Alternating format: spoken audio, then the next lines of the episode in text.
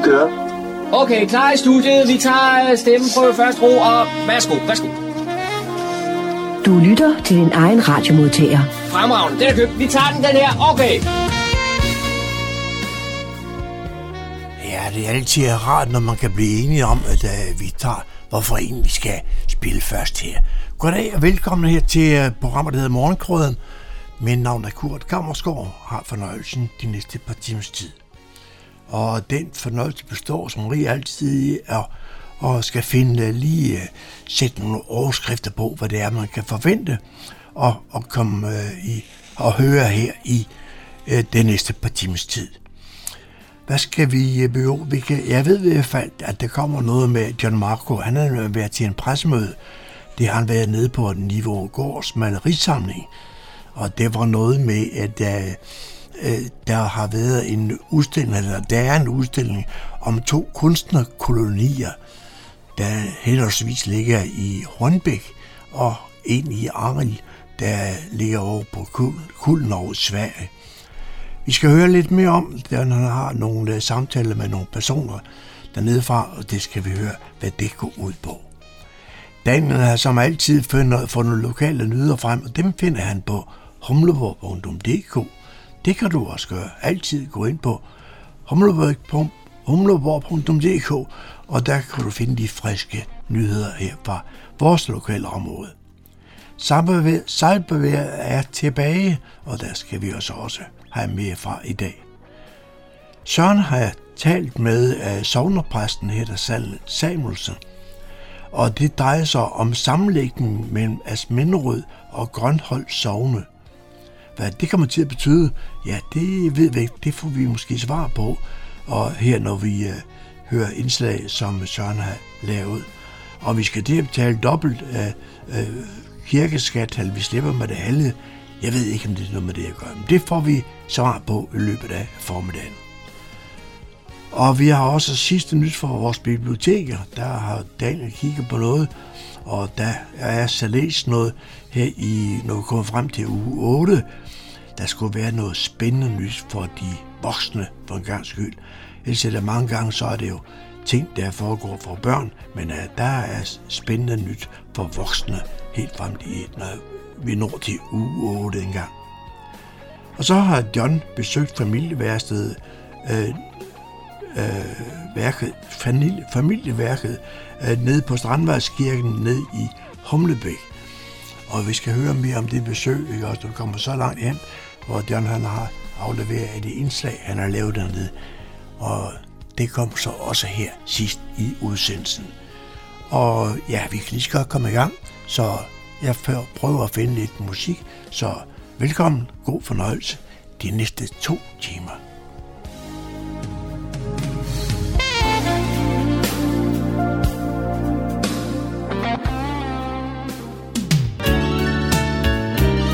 Du lytter til Morgenkrydderen. I studiet er det Kurt Kammerskov. Så er der kulturstof her på Radio Humleborg.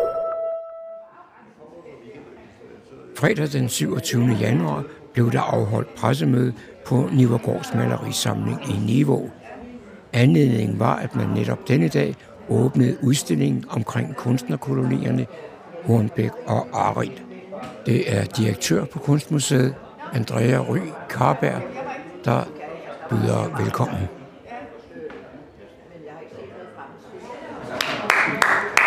Øh, kære danske pressekorps. Nå, jamen øh, nu rigtig hjertelig velkommen her til Nivorgårds malerisamling. Årets første udstillingsåbning, som vi har glædet os til i mange, mange år faktisk. Øh, siden 2019 fandt jeg ud af, at det var der, vi planlagde udstillingen, og den har rykket lidt rundt med corona og alt muligt andet. Øh, til, og nu, nu tror vi jo stærkt på, at den bliver realiseret inden for få minutter. ja. Øhm, fordi der hænger stadig lidt op derinde, og øh, der er ikke sat lys i en af salene, og der mangler at blive sat værkskilt op og den slags. Så I får i hvert fald en verdenspremiere på første udstilling, der samler billeder fra to kunstnerkolonier af de tidlige kunstnerkolonier i Skandinavien, øh, Hornbæk og Arild. Og øh, ja, hvorfor er de mindre kendte i, Øh, I dansk kunsthistorie kender man jo nok til, at der var så mange, der startede med at tage til Hornbæk, før de kom videre til Skagen. Øh, men kunstnerkolonien i Arild er mindre kendt, selvom det også var mange danske og svenske kunstnere, der var der i ja, et halvt århundrede i hvert fald, og mere til. Øhm, og jeg synes, det er så sjovt, som vi lige talte om, at meget af, altså, efter, eftertiden eller, eller skæbnen for en kunstnerkoloni på den lange bane, den afgøres tit af nogle lidt tilfældige ting. Men altså i, øh, i Aril, der var der ikke en kro, hvor kunstnerne kunne betale med værker for deres ophold. Der var en øh, skrab, en skrabkromutter, der ville have pengene, og derfor er der i dag ikke en samling billeder, der er blevet til et museum, og derfor er nok kunstnerkolonien i Aril mindre kendt, men der er lige så mange vidunderlige billeder og motiver og spændende historier derfra, som der er fra Skagen og, og Fyn og mange andre steder, hvor, hvor kunstnerkolonierne blomstrede jo her i, i, i sidste halvdel af 1800-tallet. Øhm, men udstillingen vil jeg så også lige sige lidt overordnet. Den, den er startskuddet på det her år 2023, hvor vi faktisk har valgt at fokusere på Sverige, som vi hver dag ser, når vi ankommer til museet, lige herovre på den anden side af sundet. Øhm, museet fejrer også i år flere jubilæer. Vi, øhm, vi, har, vi havde her for en uge siden 100 året for vores stifters død, Johannes Hage, som vi markerer hele året. Der er en særophængning om Johannes Hage i en sal her på museet, som I også lige kan se. Øhm, der er en bog undervejs, og, øh, og, øh, og mange øh, ja, byvandringer og foredrag om ham og hans betydning, og hans families betydning for demokratiet i Danmark, og for samlingen her, og meget andet godt. En stor filantrop. Øhm, og så har vi sørme også til oktober, øh, alle sammen jo et jubilæum for 75-året for de danske jøders flugt, også over samme sund her til Sverige, hvor Johannes Hages, øh, en del af hans formue til at købe billederne, stammer jo fra, at han havde et teglværk her, et, her i Niveau, altså ringovnen, der ligger et godt stenkast herfra, som er vidunderligt at opleve, hvis ikke I kender den, øhm, som blev Danmarks, sidenhen blev Danmarks første fredede industribygning. Og øh, på loftet, på tørreloftet i den vidunderlige ringovn der, der, øh, der var der i løbet af en uge samlet set over 500 jøder, der skjulte sig, mens de ventede på sejlturen der. Så øh, der er flere tråde til Sverige. Vores stifter Johannes Hage, han havde også sin elskede søster, der boede og også fik en herregård lige over på den anden side, og de sejlede lidt frem og tilbage til hinanden. Øhm, så efter den her udstilling så til sommer, så viser vi mensanten Alfons Åberg, Øh, vi retter os mod mange brugergrupper, og øh, det er skønne, smukke værker. Det er original tegningerne til de Alfons Åberg bøger og collager og alt muligt andet godt, øh, som Gunilla der har lavet. Og så øh, kommer der øh, til september en stor udstilling om Bruno Liljefors, den store svenske dyremaler. Så, øh, så det er et, et spændende år her, hvor vi ser over på vores store nabo, som vi jo kan glæde os over at have en fredelig sameksistens med. Der er nogle halvglemte gamle krige, men øh, det skal ikke give, give skov i det, i det venskab og al den kulturelle udveksling øh, og alle de, det historiske fællesskab, der går hen over netop det her sund.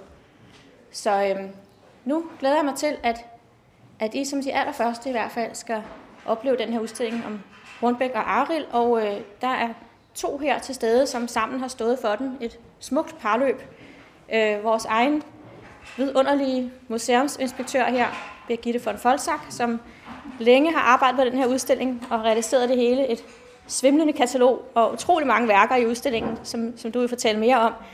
Og tæt sammen med Henrik Vivl, som er Aril boer på deltid, øh, har tilbragt nok noget af sommeren i hele dit liv i Aril, øh, og øh, har altså et nært kendskab og en familiær kærlighed til det sted, som du har udfoldet også en dejlig artikel her i kataloget, og i dit enorme bidrag i det hele taget til at kuratere den her udstilling, som øh, viser rigtig mange privatejede værker sådan for første gang. Så det har været et detektivarbejde og et pionerarbejde, som, som vi er rigtig stolte over at kunne huse her. Så fra mig en enorm tak til jer begge to. Og øh, så skal jeg heldigvis ikke sige mere. Det er blevet til en udstilling endnu en gang, og en meget smuk en. Så øh, må ikke I to vil hånd i hånd fører os ned. du lytter til morgenkrydderen.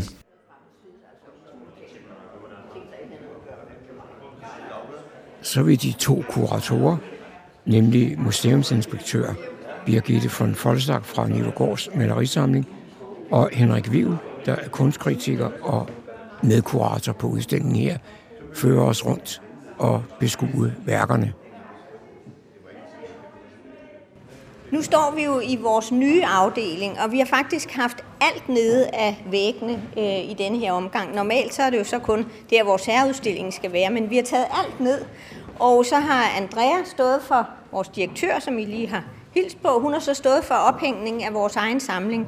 Og herinde i det her, denne her sal, der er det vores danske guldaldersamling, og så har vi inde i søjlesalen øh, renaissance og barok, og så har vi det sidste, øh, den sidste lille sal, som vi så har øh, dedikeret til Johannes Hage på grund af hans, øh, både denne her bog og hans øh, jubilæum, og så videre, eller hans 100 år for hans dødsdag.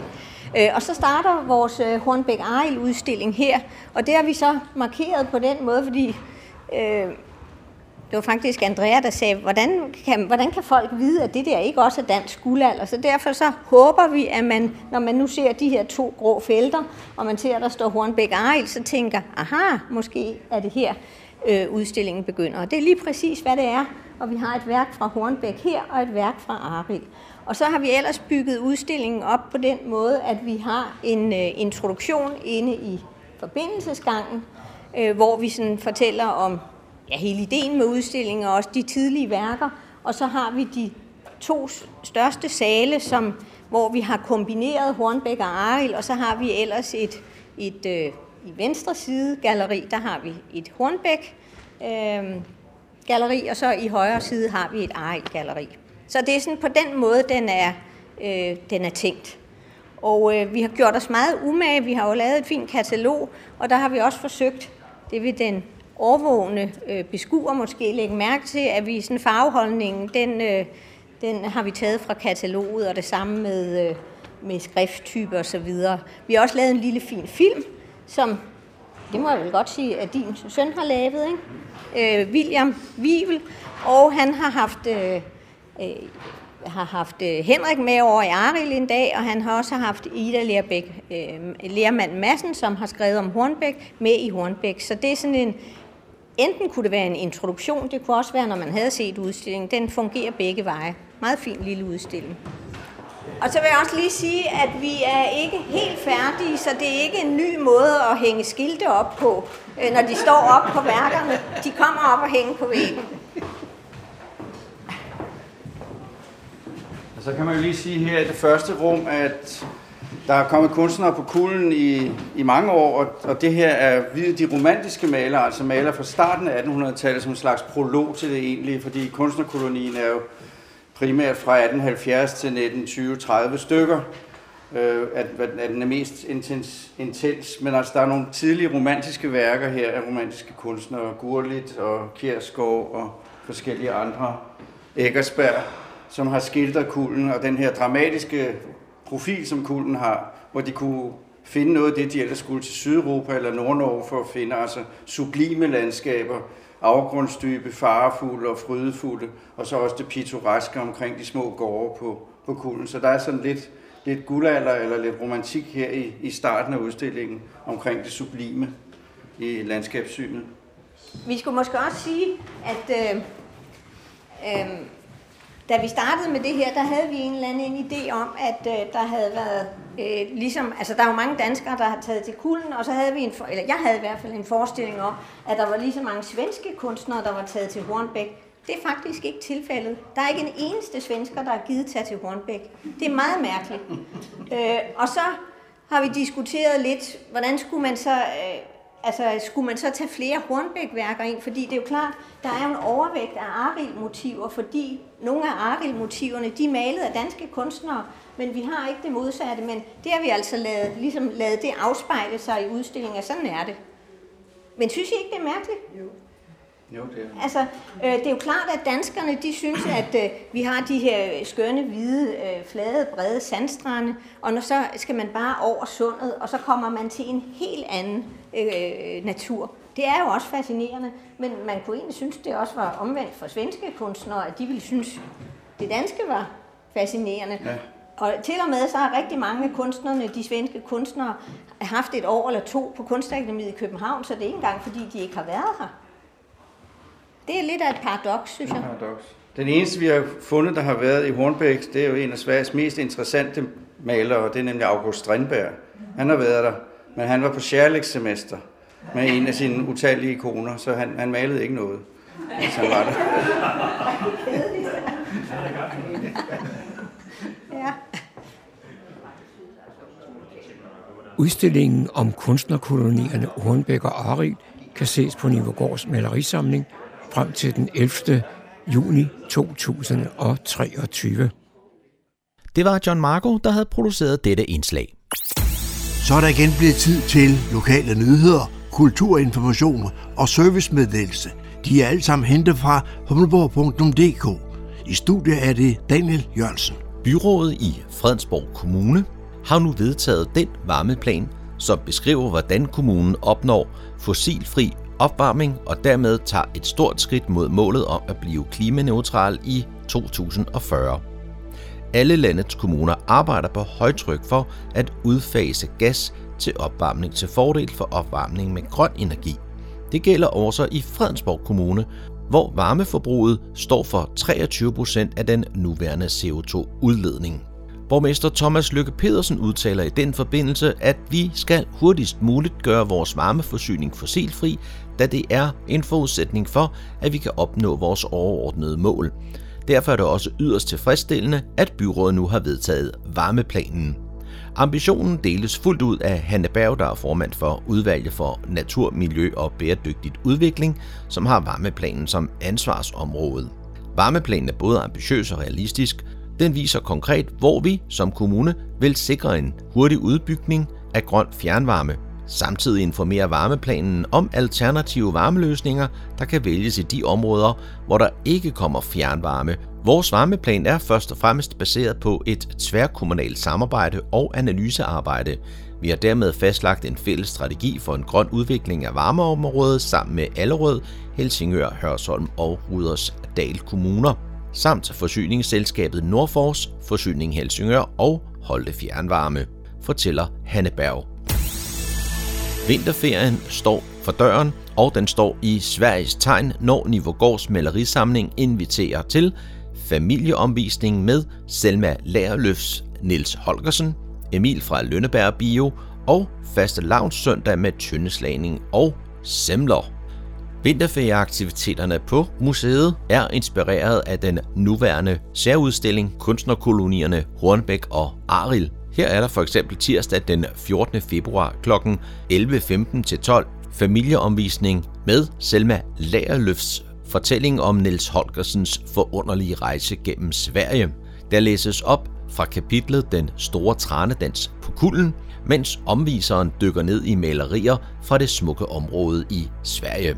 Senere på dagen er der bio med Emil fra Lønneberg, og søndag den 19. februar må man meget gerne komme udklædt, da der er tyndeslagning i parken. Det foregår kl. 13, og der serveres varm kakao og svenske faste lavnsboller, der hedder semler, hele dagen. Alice Carreri kommer til Nødebo. Hun optræder med lækker jazzsang søndag den 19. februar på Nødebo Kro hun ledsages af en eminent trio bestående af medlemmer fra øverste hylde. Alice Carreri er bosiddende i Danmark, men har aner fra Frankrig og Italien. Hun har håndplukket de allerbedste sange inden for fransk, italiensk og amerikansk jazz, som hun fortolker sammen med Jakob Fischer på guitar, Francesco Carli på akkordio og Andreas Møllerhøj på bas. Alice Carré har længe været et stærkt etableret og anset navn på den danske jazzscene, og det på trods var det først i 2021, at hun udgav en plade under eget navn. Hun har været sideman og sanger i utallige bands og projekter, og kan nu altså høres i Nødebo. I denne koncert, som er en del af festivalen Vinterjazz 2023. Billetter købes på nøde-kro.dk. Det var, hvad vi havde for denne gang af lokale nyheder, kulturinformationer og servicemeddelelse fra humleborg.dk. De var oplæst og redigeret af Daniel Jørgensen. Jeg står sammen med Hedda Salomonsen, som er sovnepræst for Asminderød Grønholdt Sogn. Kan du fortælle noget om øh, sovnesamlægningen, der skete øh, for Asminderød og Grønholdt Sogn her den 1. januar? Det vil jeg meget gerne. Der har siden middelalderen eksisteret to sogne, Grønhold Sogn og Asminderød Sogn. Og tilbage i middelalderen, der strakte Grønhold Sogn sig helt ind til Hillerød, og var ret stort, som man kan høre, øh, fordi Frederiksborg Slotskirke var ikke bygget endnu. Og Asminderød Sogn gik ud mod kysten øh, og omfattede blandt andet Humlebæk, fordi Humlebæk Kirke ikke var bygget endnu. Så sådan så det ud i middelalderen, og i rigtig, rigtig mange år, indtil den 1. januar 2023, var det de to sogne, der var. Men der har også i mange år, og det vil sige mindst 70-80 år, været et meget tæt samarbejde mellem de to sogne. Øh, der har været to menighedsråd, men de har arbejdet tæt sammen, og der har været tre præster, og de har alle sammen været ansat i begge sogne og med virke ved begge sovnekirker, ligesom man som almindelig medlem af folkekirken har kunnet vælge frit på kryds og tværs øh, og hen over sovnegrænserne.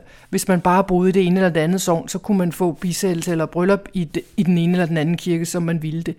Det eneste, der ikke, så at sige, var lagt sammen, øh, formelt endnu, det var de to øh, sovne og de to menighedsråd. Og det er den ændring, der er kommet per 1. januar 2023. Man har ligesom taget skridtet fuldt ud og sagt, jamen når nu præsterne er kørt helt sammen, og folkekirkemedlemmerne er kørt helt sammen og kan vælge frit, så er det øh, naturligt også, at de to sovne bliver lagt sammen til et sovn, og dermed er der ikke længere to menighedsråd, men ét menighedsråd. Så det er det, der er sket. Men det er selvfølgelig øh, spændende, og, og fordi sovneinddelingen i Danmark er så gammel og går så langt tilbage, helt tilbage til altså 11-1200-tallet, så øh, er det en ændring, der kræver, at den bliver godkendt hele vejen op igennem systemet.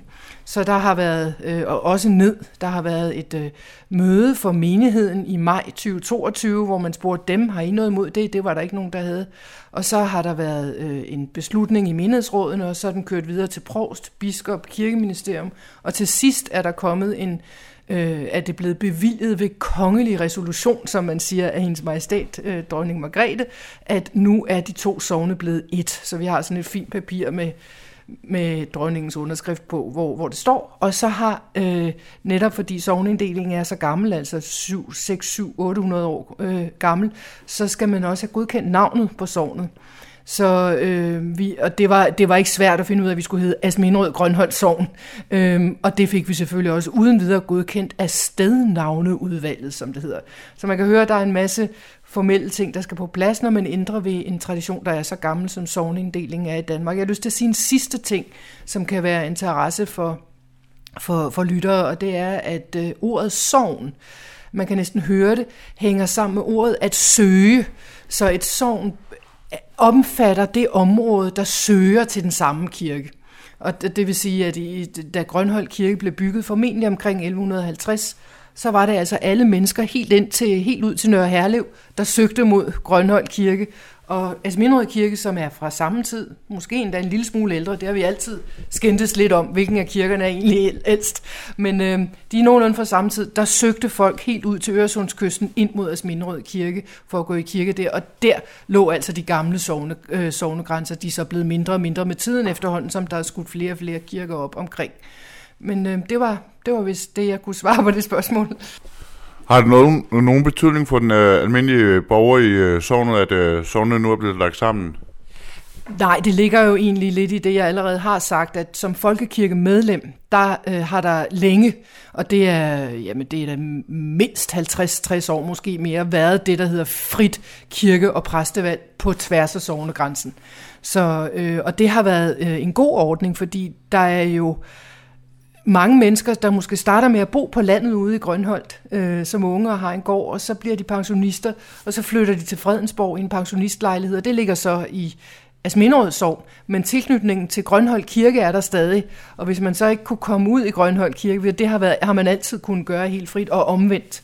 Så hvis man startede i Asminderød og flyttede ud i Grønholdt, men stadig havde ønsker om, at det skulle foregå i Asminderød Kirke, så var det helt muligt. Så den almindelige øh, Øhm, det almindelige medlem kommer ikke til at mærke de store forskelle. Det, det, det, det er faktisk, øh, kan jeg kun se, det er en fordel for, for den almindelige medlem. Det gør det lidt lettere øh, også at forklare. Det her tidligere har det været sådan lidt, vi er et pastorat, der består af to sogne med to kirker og med Fredensborg Slotskirke. Nu kan vi nøjes med at sige, at vi er et sogn. nu hvor du nævner Fredensborg Slotskirke, der er for nylig øh, begyndt en øh, restaurering i Slottskirken Slotskirken.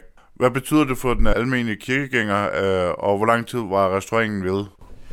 Ja, det er også et godt spørgsmål, og tak fordi du stiller det, så vi kan få lejlighed til at bringe det videre. Altså det er jo en, først og fremmest en rigtig god nyhed, at Fredensborg Slotskirke bliver renoveret indvendigt, og Fredensborg Slotskirke er jo dronningens kirke, og er som sådan ikke en sovnekirke. Men, men vi, vi, hun har bedt om, at der regelmæssigt bliver afholdt gudstjeneste derop, og det er vi utrolig glade og taknemmelige for. Øh, og, og så, øh, fordi det ikke er en del af, øh, altså den hører ikke under menighedsrådene, men det er Slots- og Kulturstyrelsen, der står for renoveringen af den, øh, og øh, de har i første omgang meldt ud, at øh, de håber på og regner med, at den er klar til at åbne igen i begyndelsen af oktober øh, slut september, begyndelsen oktober. Det afhænger selvfølgelig noget af, om, om det går, som det skal med håndværkerne og materialerne osv. osv. Øh, så, men det er det, der er planen. Og øh, så betyder det, at vi indtil da ikke kan have hverken gudstjenester eller bryllupper eller dåb i Slotskirken, for den er simpelthen lukket. Øh, og det øh, betyder så, at der kommer en lille smule mere pres på Asminrød og Grønhold Kirke, fordi det er jo ikke sådan, at man ikke kan blive gift eller døbt. Så må man, skal man bare, øh, så kommer man bare til Asminrød eller Grønhold Kirke i stedet for.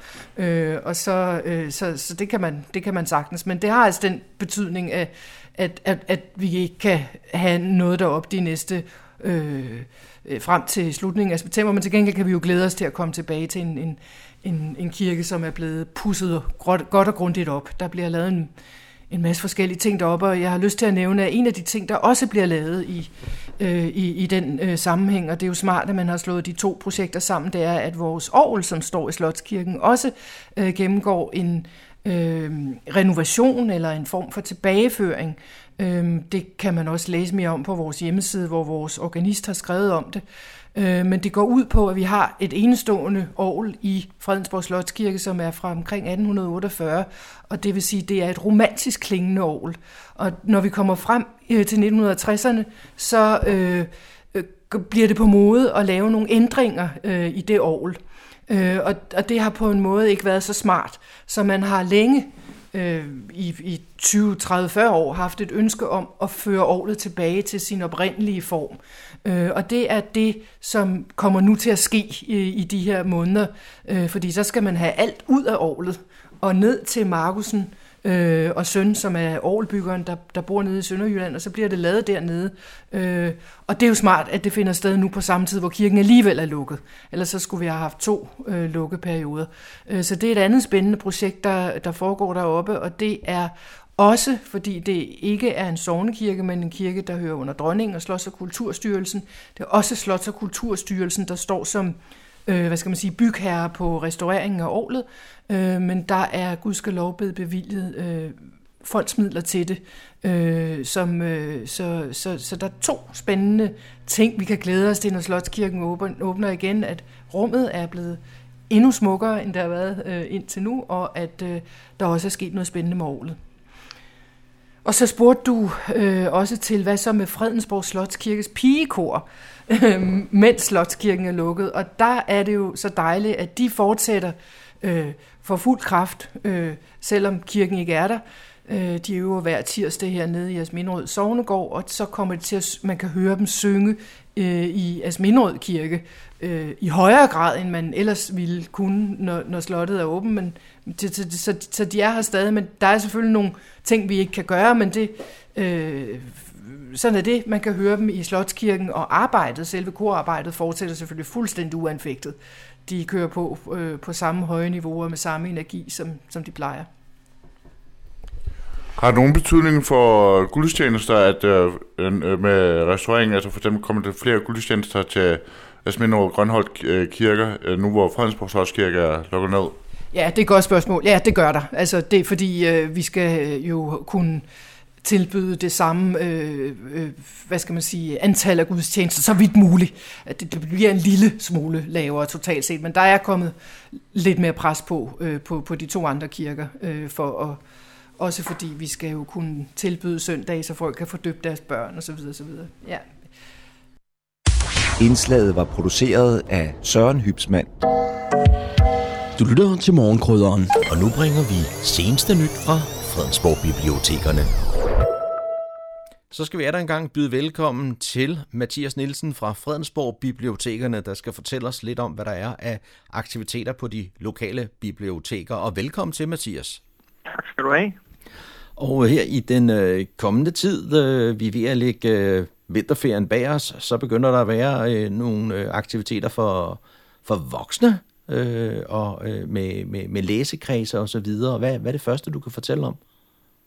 Jamen altså, øh, vi, øh, vi starter op med en, øh, kan man sige, pop-up læsekreds, som er sådan en slags øh, lille optagtslæsekreds til et foredrag, der kommer om Günther Grass, men hvor man altså mødes øh, 22. februar og taler om en af Günther Grass' bøger, den der hedder Kat og Mus, som er øh, efterfølgeren til hans måske mest kendte, den der hedder Bliktrummen. Så det er et, øh, et forum, hvor man kan mødes og, og tale om, øh, om, om Günther Grasses forfatterskab som måske opvarmning til det foredrag, der kommer senere. Og det er så øh, den øh, 22. kl. 16. Det er det nemlig. Det er gratis at deltage, men skal man sikre sig en billet? Ja, det må man meget gerne lige gå ind på hjemmesiden og sikre sig en billet til. Og så øh, dagen efter, der har I noget, der hedder Biblioteket Anbefaler. Og hvad er det, Biblioteket Anbefaler? Ja, det er faktisk også noget nyt, vi prøver her i foråret, øh, hvor vi øh, inviterer dem, der har lyst ind til, øh, til biblioteket, og øh, så fortæller øh, øh jeg eller nogle af mine kollegaer om øh, de bøger i øh, 2022, altså året, der gik, som, øh, som, som vi vil anbefale. Nogle bøger, der har lånt rigtig godt ud, været populære, men, men som vi også måske øh, personligt har haft nogle rigtig gode øh, læseoplevelser med. Øhm, så der kan man altså komme ned og blive inspireret og få nogle, øh, nogle anbefalinger med hjem til, til læselisten, hvis man, øh, hvis, hvis man savner det. Og det foregår på Humlebæk Bibliotek, fik vi det med? Det er Humlebæk Bibliotek, og det er klokken 4, og det er også ganske gratis at komme med til det. Og øh, kan du give sådan et bud på, hvad der var en af årets bøger i 2022? Ja, men altså hernede øh, på, på biblioteket, der er, øh, må jeg sige, Anders sang af Benjamin Koppel, det er en af dem, der har lånt aller, aller bedst ud øh, sidste år.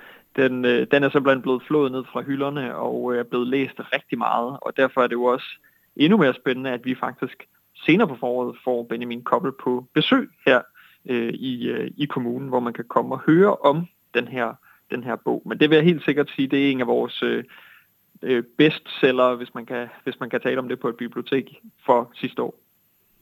Så fik vi også lige det med, en lille øh, teaser øh, på, ja. på et kommende aktivitet, der sker senere på, på foråret. Den 24. Øh, februar, der skal I til at vise en film, og hvad er det for en, og hvorfor? Jamen det er de her fredagsfilm, vi har på, på Niveau Bibliotek, hvor, øh, hvor vi altså viser en, øh, en, en film fra, fra filmhistorien, nogle af de sådan helt ikoniske øh, film fra, ja, fra, fra filmhistorien, og det er altså den film, der hedder Panserkrydseren på Temkin, som, øh, som er, nogen vil måske vil kende, øh, som ja, en af de her he, helt store filmklassikere. Øh, og det, øh, det er altså sådan en, en, en fredag tidlig eftermiddag, hvor man kan komme ned og få en kop kaffe øh, til den her øh, film, og øh, som vil blive præsenteret af, af min gode kollega Rune, som vil fortælle lidt mere om, hvorfor den her, netop den her film har været så vigtig for filmindustrien og filmhistorien. Og det er altså, det er altså den, der hedder Panserkrydseren på Temkin, den 24. februar kl. 1 på Niveau Bibliotek.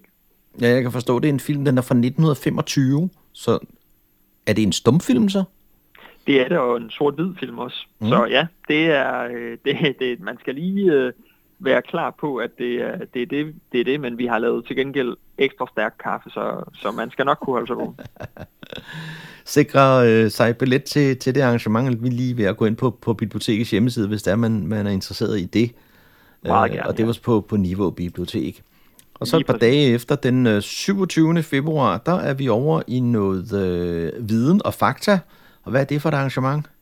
Det er vi helt bestemt. Det er øh, journalist og forfatter øh, Nana Hylgaard Hansen, som kommer på besøg på også Niveau Bibliotek øh, og, øh, og fortæller om, øh, hvad skal man sige, nogle hverdagsråd og sparetips, som gør både ens liv øh, billigere, men i, i særdeleshed også mere bæredygtigt.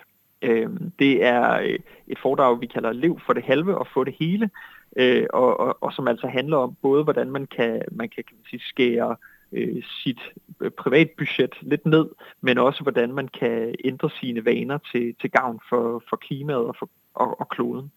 Øhm, så hvis man har lyst til lidt inspiration til et mere bæredygtigt liv og hverdag, så er det altså øh, 27. februar kl. 7 på Niveau Bibliotek. Og det er jo også noget, som folk de går rigtig meget op i i øjeblikket, derfor med, med, med de priser, der er på øh, dagligvarer. Ja, det må man sige. Altså, det, øh, det, øh, det er næsten ikke et, øh, et, et arrangement, der kunne være mere skræddersyet til den tid, man, vi, vi lever i lige nu. Så det, ja, det er faktisk en, en, en række af foredrag, vi har her i, i foråret, som øh, vi laver sammen med Fredensborg Kommunes klimateam, øh, hvor der kommer forskellige foredragsholdere ud og fortæller om et, øh, et, et mere bæredygtigt og grønt øh, liv og hverdag. Så er et foredrag mere dagen efter, men det er en helt anden genre, en helt anden kategori, og det foregår på Fredensborg Bibliotek, er det korrekt? Ja, altså så har vi et, øh, øh et streamingforedrag dagen efter, den 28. februar, det er rigtigt, øh, og øh, det hedder, hvad Grønlands indlandsis lærer os, og øh, det, er altså, øh, det er altså et af de her øh, streamede foredrag fra Aarhus Universitet, som, som nogen måske vil kende fra at have været med i, i efteråret også, hvor vi også havde en række af de her foredrag. Men, øh, men 28. februar, der er det altså på Fredensborg Bibliotek og handler om, øh, om indlandsisen på Grønland, og hvad man kan lære og læse i de boringer, som man, som man laver øh, deroppe.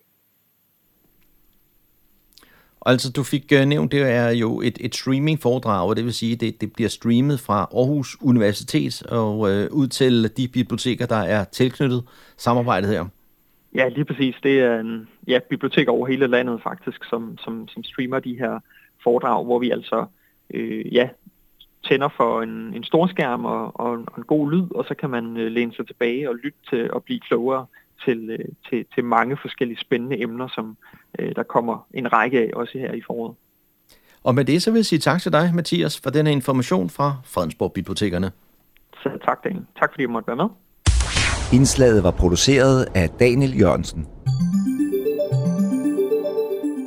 Har du været udsat for, at der er nogen, der har ringet til dig og sagt, der er noget galt med din computer, jeg kan lige hjælpe dig, jeg skal bare lige have adgang til at fjernstyre din PC. Så lyt med her og find ud af, hvorfor at de ringer. Cyberværet med IT-sikkerhedseksperten Leif Jensen. Mit navn er Leif Jensen, og jeg har arbejdet professionelt med IT-sikkerhed i snart 30 år. Min viden og erfaring, dem vil jeg meget gerne bruge til at holde dig opdateret om aktuelle hackerangreb, cybertrusler, online-svindel og andet, der vedrører stort set os alle sammen, både privat og ude i virksomhederne. Årsagen til, at vi ofte hører om svindlere, der ringer til Herre Danmark og udgiver sig for at være fra teknisk support, som lige vil hjælpe dem med at løse et sikkerhedsproblem på deres PC, det er, at der er rigtig mange penge for de kriminelle at tjene på det her.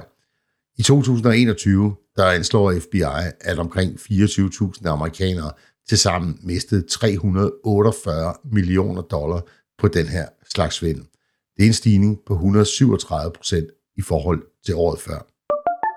På det seneste er det ikke kun teknisk support, de her svindlere, de ringer om. De kan også finde på at ringe og sige, at der er en mistænkelig transaktion på din bank, og du skal skynde dig og hjælpe med at give dem adgang til din netbank, for at de kan stoppe den her transaktion. Og så begynder de at spørge ind til, hvad det er for en bank, du har. Hvis du modtager en af de her typer opkald, så skynd dig og læg røret på med det samme. Lad være med at bruge tid på at tale med dem i den anden ende.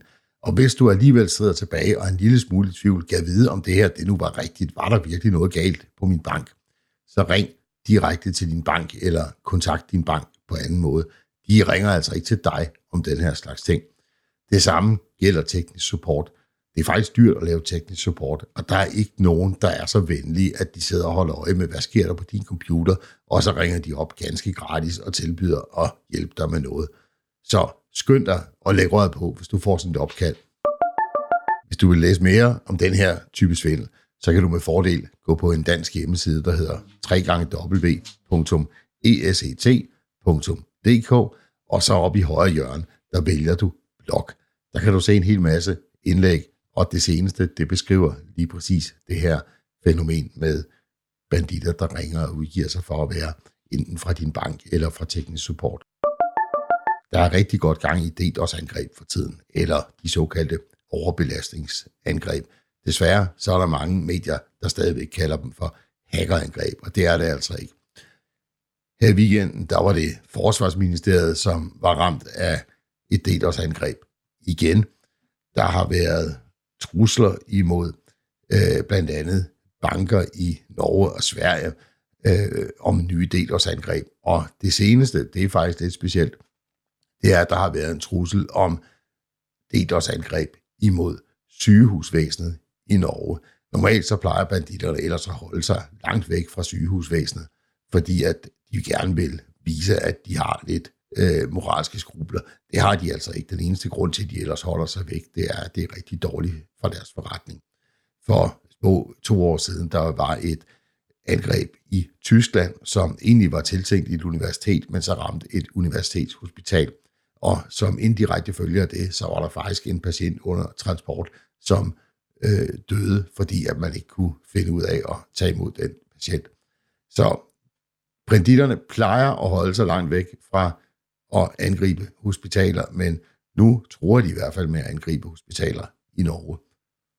Men husk nu, de her DDoS-angreb, de er ganske harmløse. Det er som regel hjemmesider, det går ud over.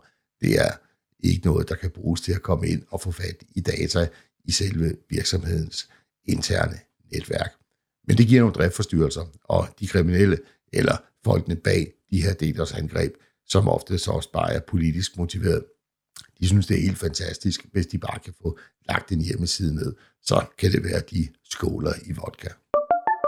Det var cyberværet for denne gang. Vi er tilbage igen med en ny cyberværetudsigt igen næste uge. Tusind tak, fordi du lyttede med. Du lytter til morgenkrydderen. Onsdag den 25. januar havde familienetværket arrangement. Det foregik som sædvanligt i Strandvejskirken i Humlebæk.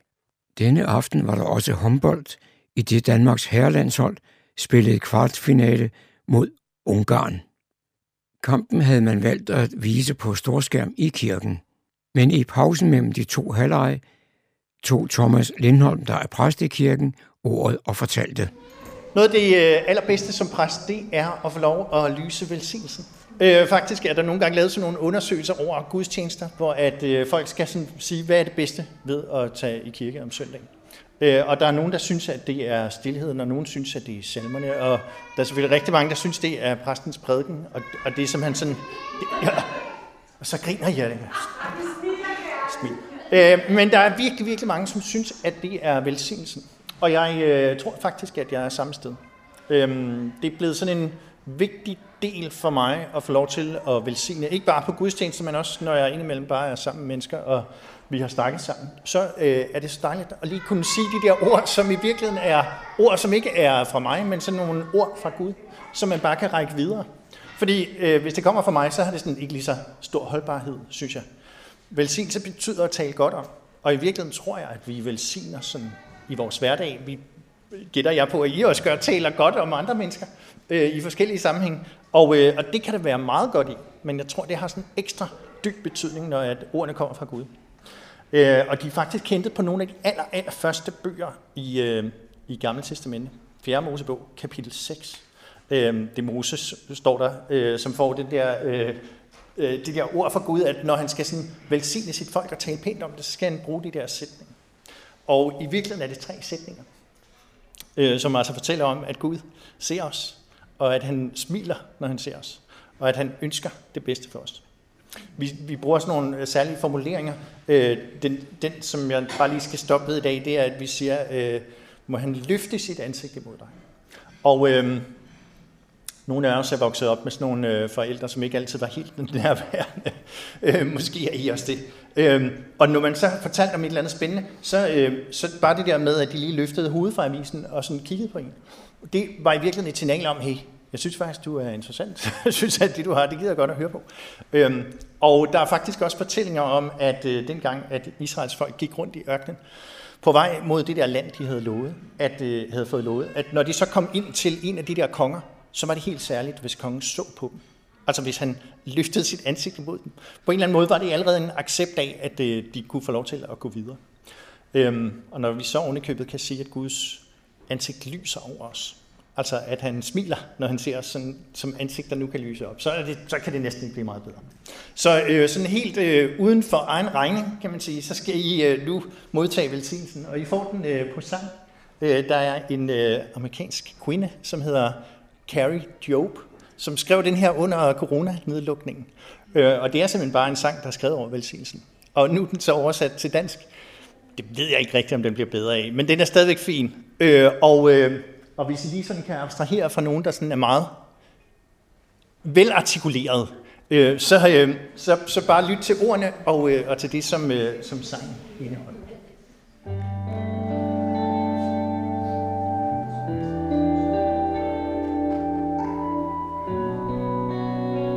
Herren velsigne dig og bevare dig. Han lader sit ansigt lyse over dig og være dig nådig. Herren løfter sit åsyn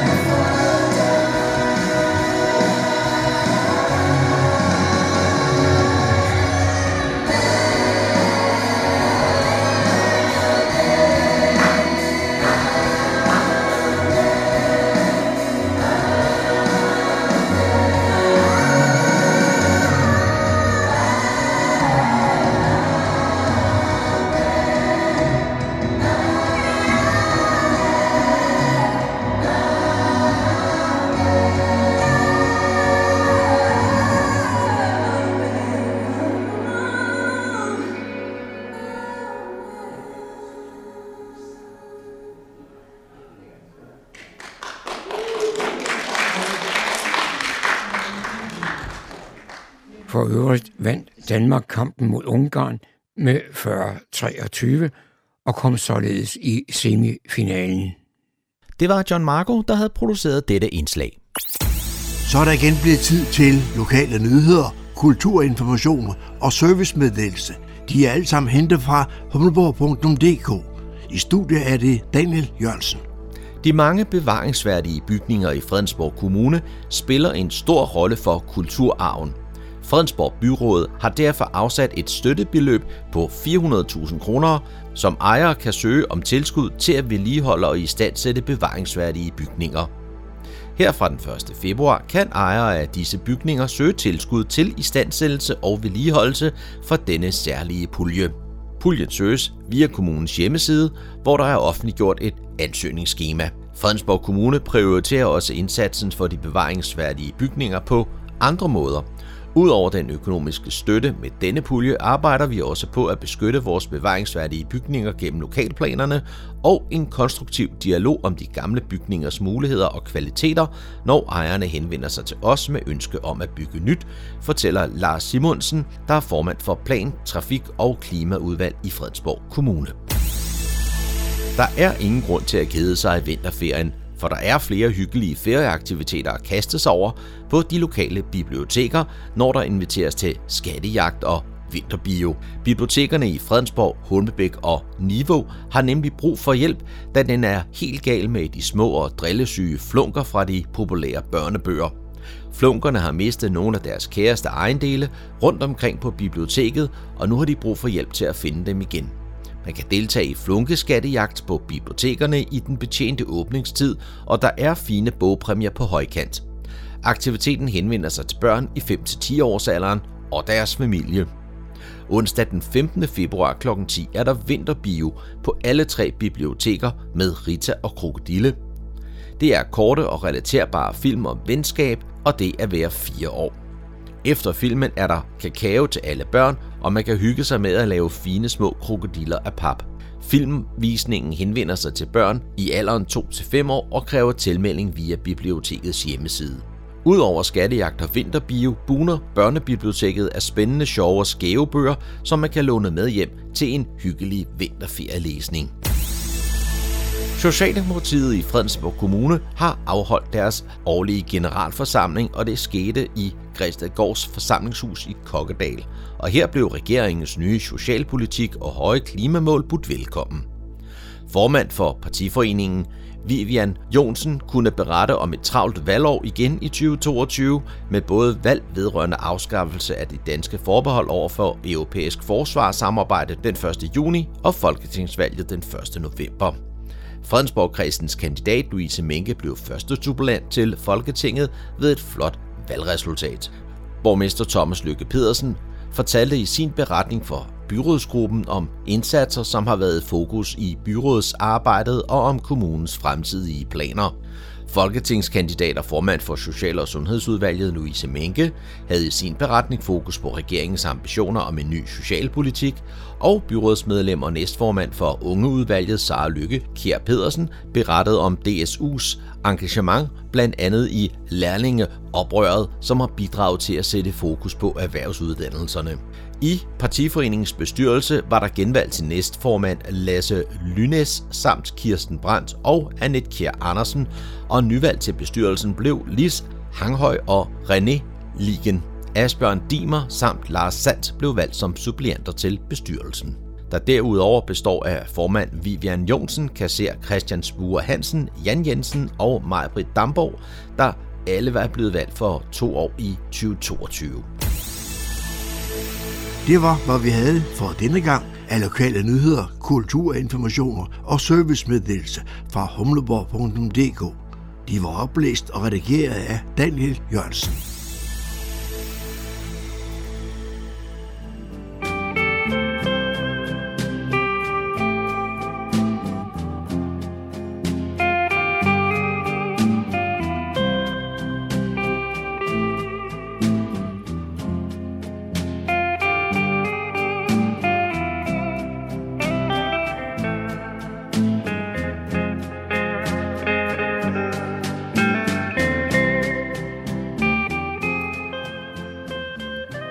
Disse toner fortæller os, at vi er nået til afslutningen på denne uges udgave af programmet, der hedder Morgenkrøden. Her fra redaktionen, som består af undertegnet, jeg hedder Kurt Kammersgaard. Ja, der siger jeg tak for nu, og på genhør en anden god gang.